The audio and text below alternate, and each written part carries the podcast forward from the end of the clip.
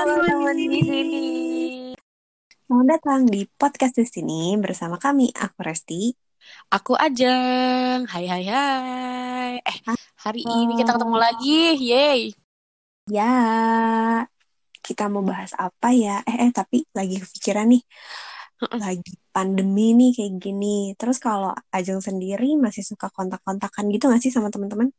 Hmm, masih dong. Disempet-sempetin sih sebenarnya ketemu karena kangen banget. Kan dulu kalau misalnya kita sebelum pandemi nih, mungkin teman-teman bisa meet up langsung gitu ya. Nah sekarang tuh Seminggu sekali misalnya ya. uh-uh, atau enggak dua minggu sekali, sebulan sekali lah kalau emang lagi pada sibuk banget gitu ya. Tapi karena pandemi ini kan, waduh, ketemu bahaya juga. Jadi via online sih paling. Kalau kamu sendiri gimana? Iya, aku juga sama sih. Jadi ketemu teman-teman itu juga eh, online. Tapi biar sekarang nggak bosen ketemuannya, kita sambil main game biasa ketemuannya. Ada ada game Among Us gitu. Oh iya, oh iya, iya banget. itu game Jadi suka ngobrol yang sama lagi rame banget ya. Lagi hype banget, Iya, bener iya. banget. Ya bener-bener.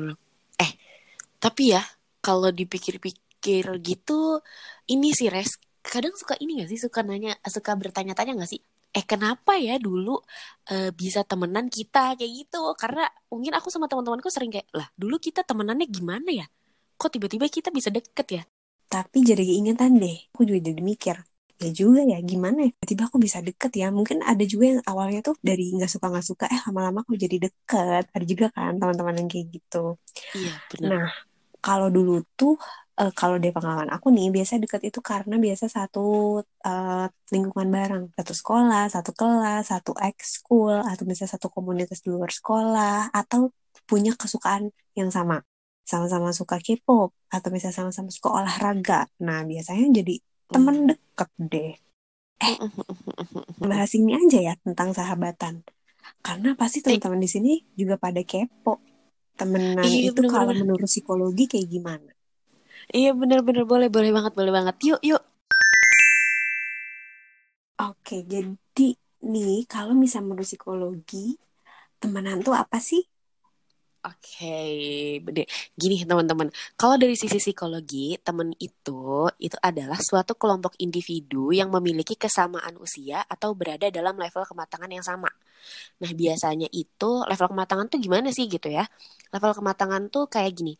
Misalkan anak SD ya temenannya anak SD gitu, anak eh, remaja ya temenannya sama anak remaja gitu, dewasa sama dewasa, yang gitu-gitu.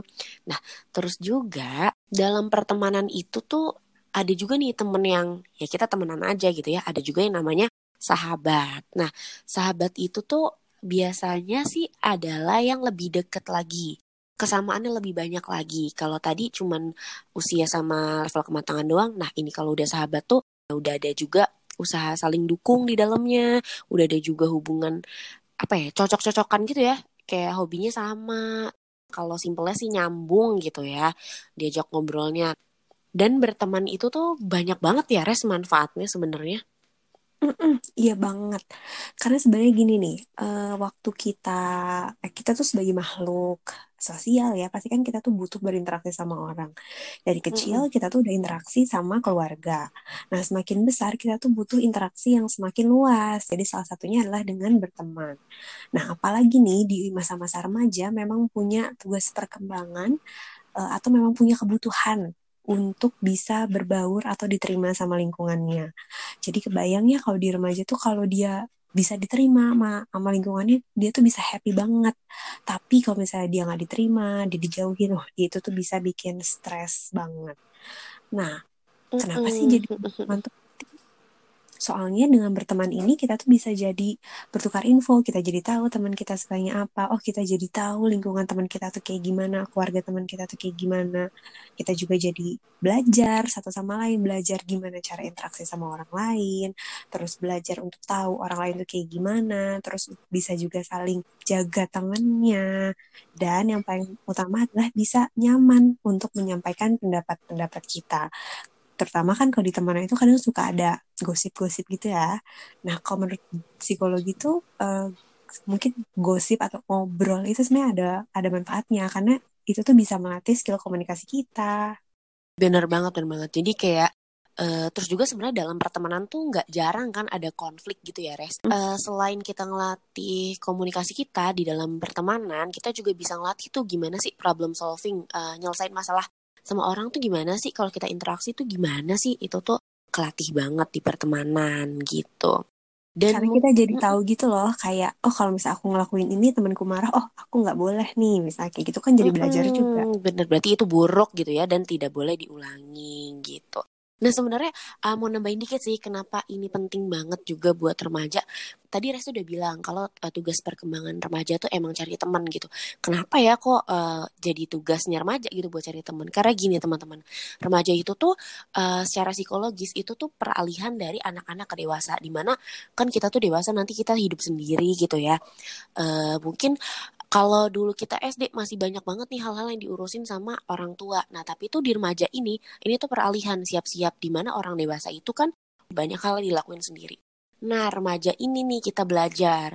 Belajarnya bareng-bareng juga nih sama teman kita. Makanya uh, kita butuh banget nih teman-teman buat uh, belajar mandiri gitu ya. Uh, belajar tadi memecahkan konflik salah satunya, interaksi sama orang lain gimana. Uh, yang ujung-ujungnya sih pastinya nanti dewasa kita buat survive gitu ya di hidup kita sendiri. Bener. Dan sahabat itu juga melatih belajar untuk menjaga rahasia ya. Iya bener bener bener bener bener bener banget. Kita tuh biasanya sahabatan tuh apa orang-orang yang udah ya deket gitu ya enak nyambung banget lah gitu intinya nah terus juga sahabat ini adalah temen-temen yang biasanya kita percaya dan kita sharing-sharingin rahasia Makanya tuh uh, kalau di usia remaja nih, kalau teman-teman bisa flashback ke masa SMP SMA, sering banget kayak temenannya tuh banyak drama, banyak banyak drama, terutama kalau rahasia kita itu bocor yeah, ke orang lain. Wah oh, itu tuh bisa iya, perang yeah, dunia kok ketiga. dia bisa tahu apa yang gue omongin kalau waduh itu udah pecah deh itu. Ribut dah, ya, ya. Eh, tapi lucu sih bener-bener. Tapi ya, kalau di psikologi itu juga dibahas loh. Uh, kenapa ya kok kita bisa kayak gitu sih gitu remaja dramanya banyak gitu ya temenannya. Ternyata emang ini teman-teman. Jadi tuh ada bahasan uh, berteman sesuai dengan rentang usia di psikologi. Kalau kita inget-inget mm -hmm. lagi tuh pas zaman SD deh gitu.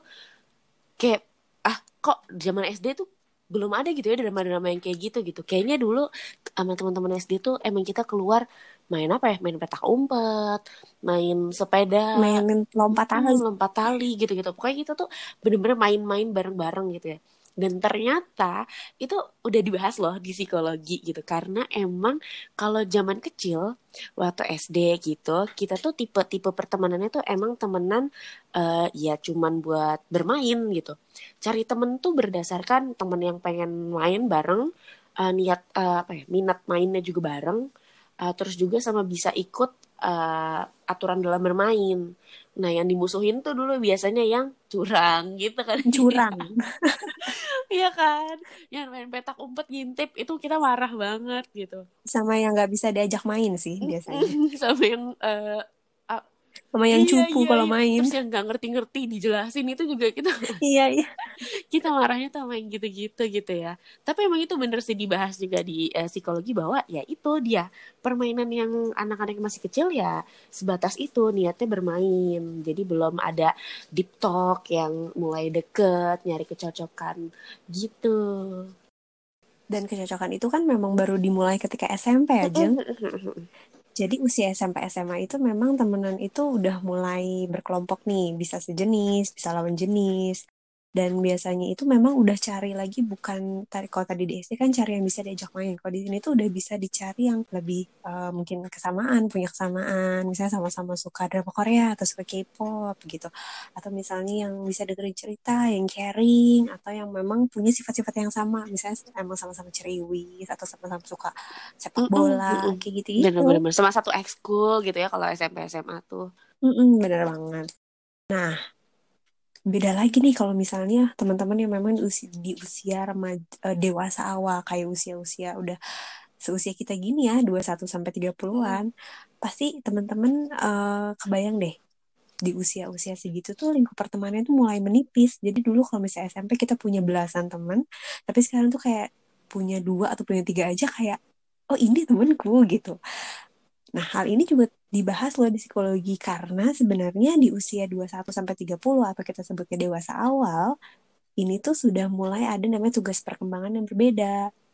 Jadi tugasnya tuh udah mulai meniti karir, udah mulai berkeluarga. Jadi memang yang dicari di usia tersebut ya memang uh, pekerjaan dan juga pasangan seperti itu.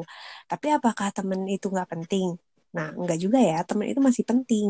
Nah, yang dicari sekarang dalam pertemanan di dewasa awal ini adalah orang-orang yang memang bisa dipercaya yang bisa jadi support system. Jadi kebayang kalau misalnya dia lagi sedih dari karirnya atau lagi bingung sama karirnya, dia punya tempat untuk cerita.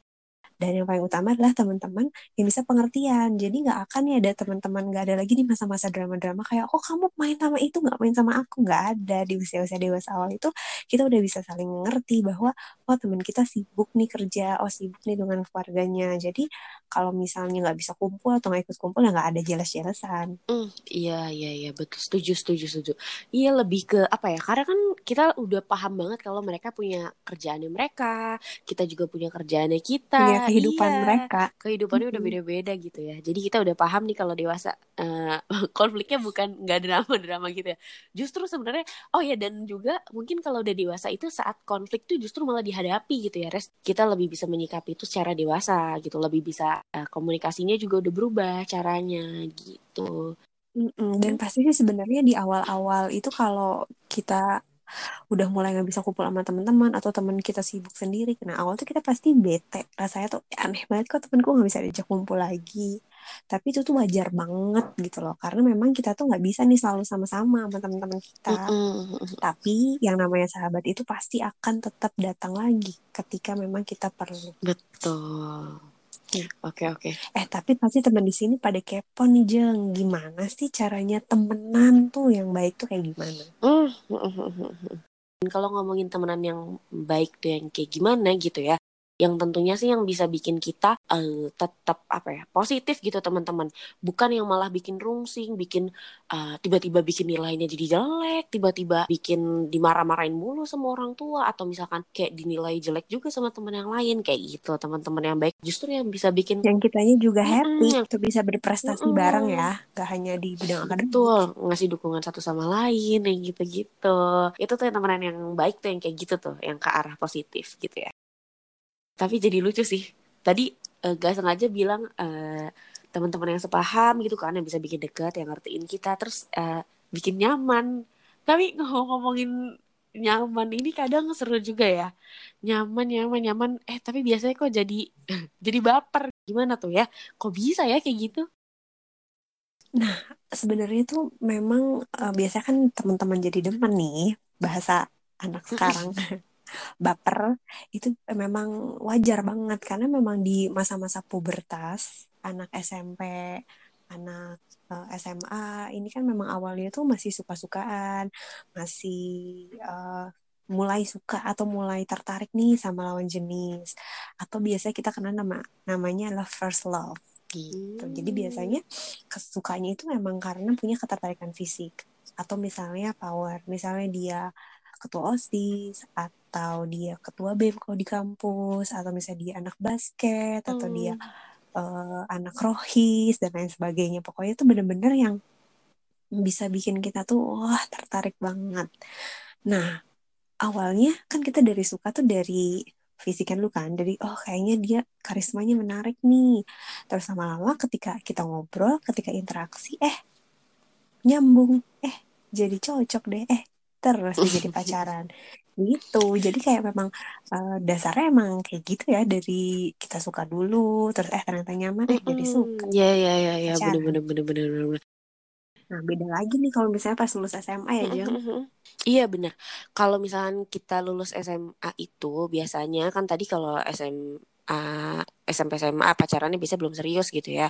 Nah terus kalau udah lulus SMA biasanya pacarannya udah mulai serius nih. Ada juga yang harus uh, eh, LDR sama pacarnya karena beda kampus. Nah mereka tuh biasanya tuh udah sering banget nih ngobrol-ngobrol kayak ya bisa nggak ya LDR atau maunya gimana ya kita atau akan gimana ya gitu. Udah mulai serius gitu. Kenapa? Karena tuh mereka udah udah punya pikiran nih tentang hubungan masa depan. Mulai kepikiran. Hmm bisa kuliahnya itu uh, bisa beda kampus, beda pulau. Nah, bisa nggak sih LDR gitu-gitu? Iya, bener bener bener. Emang emang bener sih semakin bertambah usia, semakin gimana ya? Semakin dalam juga gitu ya pemaknaan hubungannya. Dan juga kalau misalkan udah pacaran terus lebih suka lagi sama pacarnya atau menemukan pasangan-pasangan baru di usia yang uh, udah di atas kuliah gitu ya. Itu tuh emang uh, bukan lagi apa ya kriterianya bukan lagi mengarah ke fisik dan power doang. Nah, emang kalau misalnya kita udah bertambah usia gitu ya, uh, semakin dalam pemaknaan hubungannya dan juga ketertarikan itu bukan lagi didasari oleh fisik dan power, tapi udah terkait sama kesiapan buat membangun keluarga. Gitu. Ayo, siapa nih yang udah mulai galau-galau? Kalau kita ngomongin oh, membangun kita juga keluarga. sama ya. Iya, iya, iya. juga ya, sama. Ya, ya. Masuknya udah dewasa ya. Cercal, cercal. Nah, jadi nih sekarang temen teman-teman di sini pada tahu ya, kalau misalnya apa yang teman-teman alami itu hal yang wajar. Mm -mm, betul banget karena ini tuh merupakan bagian dari perkembangan manusia gitu ya wajar banget terjadi. Nah, seru banget kan belajar hal-hal sehari-hari yang dibahas pakai isu-isu psikologi. Masih penasaran sama isu-isu lainnya? Nah, kalau penasaran, pantengin terus ya episode podcast berikutnya di minggu depan. Dan gak lupa nih mau ngingetin kalau teman-teman punya ide bahasan apa pun yang menarik, langsung aja ya di DM ke sosmed-sosmed kita. Teman-teman udah tahu kan? Oke, okay, teman-teman, hari ini kita sampai di sini dulu ya. Oke, okay, sampai ketemu minggu depan. Bye. Bye.